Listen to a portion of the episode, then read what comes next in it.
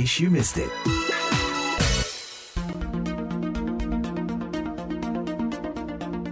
In case you missed it, hampir sebulan terakhir ini sejumlah elemen masyarakat turun ke jalan untuk menentang disahkannya Undang-Undang Cipta Kerja atau biasa disebut Omnibus Law. Karena undang-undang ini memang mengatur beberapa bidang kehidupan sekaligus juga. Mungkin sebagian besar yang kita dengar itu adalah isu-isu ketenaga kerjaan ya.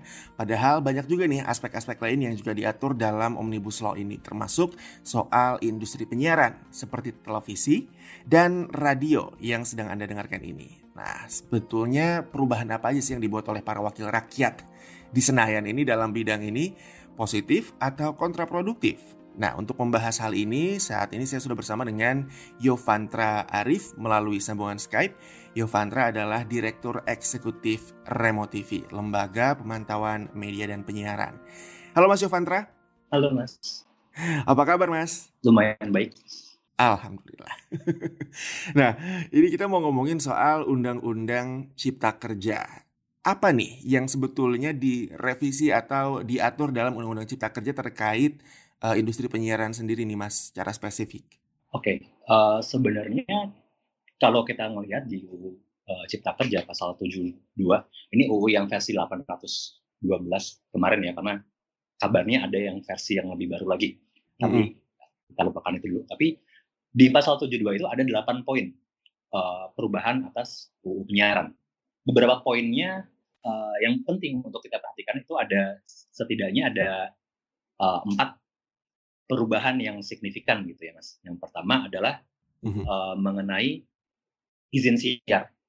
Jadi sejak di, disahkan 2002 lalu undang-undang undang penyiaran itu ad, uh, izin bersiaran untuk TV dan radio itu dibatasi untuk TV itu 10 tahun, untuk radio 5 tahun. Eh, kenapa itu dibatasi? Karena memang TV terestrial itu bersiaran dengan sinyal dengan frekuensi yang terbatas. Jadi uh, harus diatur dengan sangat ketat gitu ya, nggak nggak bisa sembarangan kita bersiaran. Nah, dalam revisi UU Ciptaker, uh, izin siar ini dihapus. Jadi hmm.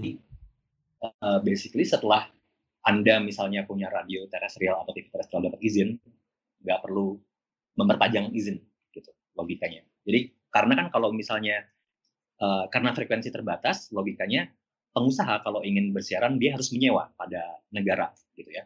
Dan syarat menyewanya adalah yang disiarkan itu harus memenuhi standar-standar tertentu. Kalau logika yeah. sewa ini dihapus, berarti uh, tidak ada pertanggungjawaban gitu. Karena setelah 10 tahun harus dievaluasi dan kalau dianggap bagus baru boleh bersiaran lagi. Sekarang loss aja ya. Uh, tapi sebelum sebelum kita pindah ke poin yang berikutnya, sebetulnya um, siapa yang kemudian diuntungkan dan siapa yang kemudian dirugikan? Oke, uh, yang diuntungkan tentu saja industri TV karena uh, izin siar itu nanti akan berhubungan dengan uh, migrasi ke TV digital yang akan menjadi poin yang lain gitu ya. Tapi okay. intinya ketika izin siar itu berlaku seumur hidup itu logikanya jadi ownership kan. Jadi frekuensi siaran di frekuensi tertentu itu adalah miliknya perusahaan A. Ketika dia menjadi milik, itu menjadi aset, bisa diperdagangkan gitu ya. Jadi uh, kalau yang tadi logika awalnya adalah kontrak sosial gitu ya. Si perusahaan A karena memenuhi standar tertentu dia boleh bersiaran. Perusahaan B nggak boleh misalnya uh, tidak mendapatkan hmm. izin karena tidak cukup spesifikasinya. Tapi sekarang karena itu sudah menjadi aset, perusahaan A bisa menjual perusahaan B. Padahal hmm. logikanya seharusnya enggak. Anda dapat license untuk bersiaran, ya hanya Anda yang boleh bersiaran karena kontrak Anda bukan cuma ke negara katakanlah tapi juga ke publik. Anda harus menyajikan siaran yang berguna untuk publik. Tentu yang sangat diuntungkan adalah uh, perusahaan-perusahaan televisi. Gitu. Yeah. Yang dirugikan tentu saja kita semua. Artinya mekanisme sewa 10 tahun itu itu kan mekanisme untuk memastikan TV itu memenuhi kebutuhan publik gitu ya. Secara yeah. siarannya benar, uh, ramah terhadap kelompok-kelompok marginal, lalu itu ada aturan-aturannya lah. Tapi ketika tidak ada evaluasi berkala setiap 10 tahun atau lima tahun untuk radio, berarti publik nggak punya tempat untuk meminta pertanggungjawaban TV-TV ini. Oke, itu soal izin siar seumur hidup. Aspek lainnya yang kemudian diatur di bawah hal ini apa lagi tuh, Mas? uh, yang kedua itu adalah mengenai uh, Jakarta sentrisme. Ini sebenarnya hal yang apa ya sangat sedikit orang yang menyadari. Tapi sebenarnya kalau kita bicara soal uh, aturan di UU penyiaran, TV itu tidak boleh bersiaran secara nasional. Tapi dalam praktiknya yang kita tahu adalah ya 10 TV swasta seenggaknya ya itu bersiaran dari Sabang sampai Merauke gitu ya. Mm-hmm. Uh, praktik ini sebenarnya dilarang sejak 2002 sistem penyiaran yang diatur itu sebenarnya adalah uh, stasiun berjaringan. Artinya semua TV itu mendapatkan izin untuk bersiaran lokal. Misalnya Anda punya TV izin uh, di Jakarta, izinnya hanya boleh bersiaran di Jakarta. Gitu. Nah, gimana caranya biar bisa uh, apa namanya kontennya bisa disebarkan disiarkan di luar Jakarta? Anda harus berjaringan istilahnya. Jadi stasiun TV Anda kalau mau bersiaran di Bandung misalnya harus berjaringan dengan uh, stasiun TV lokal di Bandung atau anda mendirikan stasiun TV sendiri. Katakanlah TV-nya TVA gitu ya, TVA hmm. Jakarta dan TVA Bandung. Kenapa sistem ini uh, diberlakukan? Karena ini untuk menjamin industri penyiaran itu bisa menyerap sebanyak mungkin tenaga kerja itu pertama. Jadi kalau yeah. misalnya TV Jakarta bersiaran nasional kan yang dapat duit cuma orang-orang Jakarta kan. Ekonominya hmm. hanya berputar di Jakarta. Kalau misalnya dipecah seperti itu, Bandung juga dapat, Surabaya dan lain sebagainya juga dapat dalam model yang terkonsentrasi nggak bisa kayak gitu. Dan juga hmm. kedua uh, dia memastikan warga lokal orang Bandung bisa menyaksikan eh, mendapatkan informasi yang relevan buat warga Bandung. Informasi dan juga hiburan tentu saja ekspresi budayaan dan lain sebagainya itu bisa apa ya memenuhi kebutuhannya orang-orang Bandung. Kalau sekarang misalnya paling gampang kita lihat uh, pilgada pilgub gubernur terakhir gitu ya di Jakarta, semua orang tahu pertikaian antara Ahok dengan uh, siapa namanya Anies. Anies. Bang, dan itu kan serentak gitu ya. Tapi orang-orang di Makassar katakanlah mereka lebih mengetahui isu orang Jakarta ketimbang isu uh, pilgubnya di daerah mereka sendiri. Itu tentu saja sangat bermasalah buat demokrasi kalau kita bicara soal iklim demokrasi gitu ya. Ya.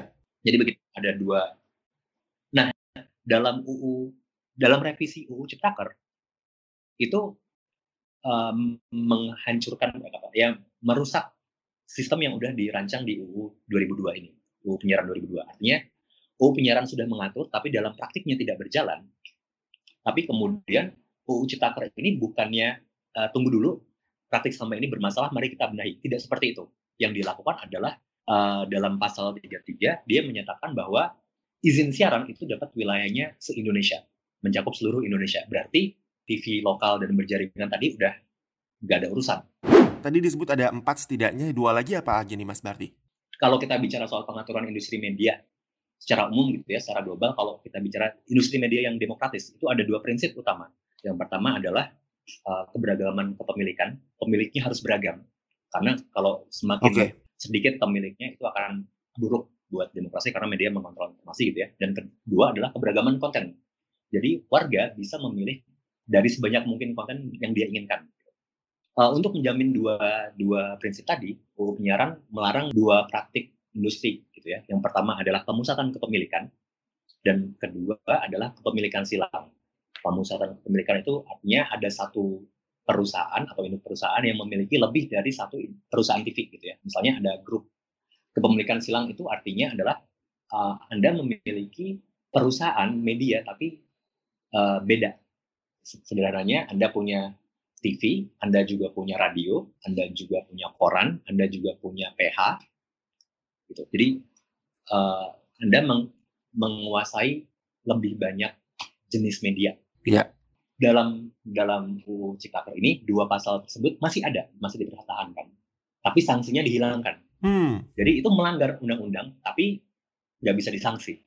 Nah, poin yang keempat apa nih, Mas? Yang keempat itu tentu tahu dongeng Orde Baru sederhananya gitu ya kayak di Orde Baru ada uh, Kementerian Penerangan dan dia yang mengurusi semua TV, semua informasi media, semua medianya. Gitu ya. Mm-hmm. Setelah Orde Baru kita berusaha untuk membuat negara itu keluar dari informasi karena uh, intervensi yang terlalu tinggi dari negara terhadap informasi itu bisa buruk bagi demokrasi gitu kan. Ya. Kalau di TV ada dibikin KPI. KPI itu Komisi Penyiaran Indonesia itu komisi independen yang fungsinya meregulasi penyiaran. Jadi dia datang bukan dari pemerintah, tapi dia dari NGO, dari akademisi dan sebagainya. Di UU Ciptaker ini peran KPI jadi semakin mencuat. Jadi dia tidak dilibatkan dalam uh, perizinan, dia tidak dilibatkan dalam membuat rumusan aturan-aturan konten yang spesifik gitu ya. Salah satunya soal menjaga netralitas itu yang merumuskan bukan KPI tapi pemerintah. Peran-peran KPI itu dikurangi lalu dikasih ke pemerintah dan juga uh, pemerintah juga yang berwenang untuk mendefinisikan pelanggaran-pelanggaran konten yang bermasalah kayak menjaga netralitas, uh, konten yang bersifat fitnah atau cabul, mempertentangkan suku, agama, ras, cara, itu mm -hmm. Yang ngurus pemerintah. Dan kalau kita melihat dalam pengalaman gampangannya UU ITE gitu ya, UU ITE kan seperti itu. Sebenarnya uh, pencemaran nama baik banyak pasal-pasal yang karet yang akhirnya banyak digunakan untuk membungkam kritik. Gitu.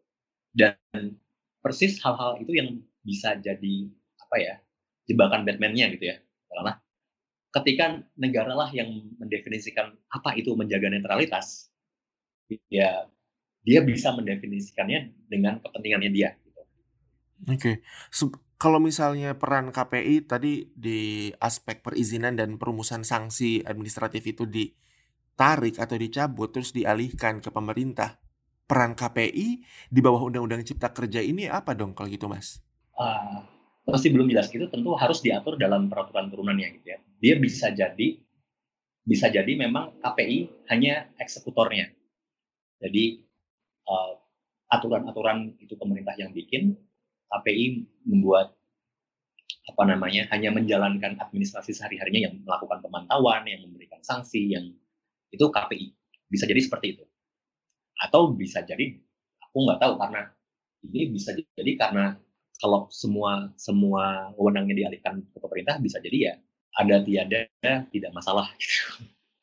akhirnya bisa jadi hanya lembaga for show. Kita udah bahas semua kontroversi dari Undang-Undang Cipta Kerja yang uh, mengatur soal industri penyiaran nih Mas televisi dan uh, radio juga. Nah, tapi sebetulnya kalau dari uh, hasil pengamatannya Mas Yovantra dan teman-teman peneliti di Remote TV sendiri sebetulnya ada nggak sih poin-poin positif yang tercantum dalam Undang-Undang Cipta Kerja terkait dengan industri penyiaran ini? Hmm. Itu pertanyaan yang sulit. Susah di uh, susah aku susah berpikir optimistik gitu ya karena memang dari pasal soal UU penyiaran dan juga yang lain-lain itu memang kecenderungannya dua semuanya di tangan pemerintah dan juga semuanya menguntungkan existing industry apa pemain-pemain besar dan dengan pengorbanan yang sangat besar di kalangan uh, masyarakat sipil dan juga orang-orang yang secara struktural dilemahkan. Terima kasih banyak buat Mas Yovantra Arif yang sudah bersedia untuk ngobrol-ngobrol bareng VOA di In Case You Missed It. Terima kasih juga.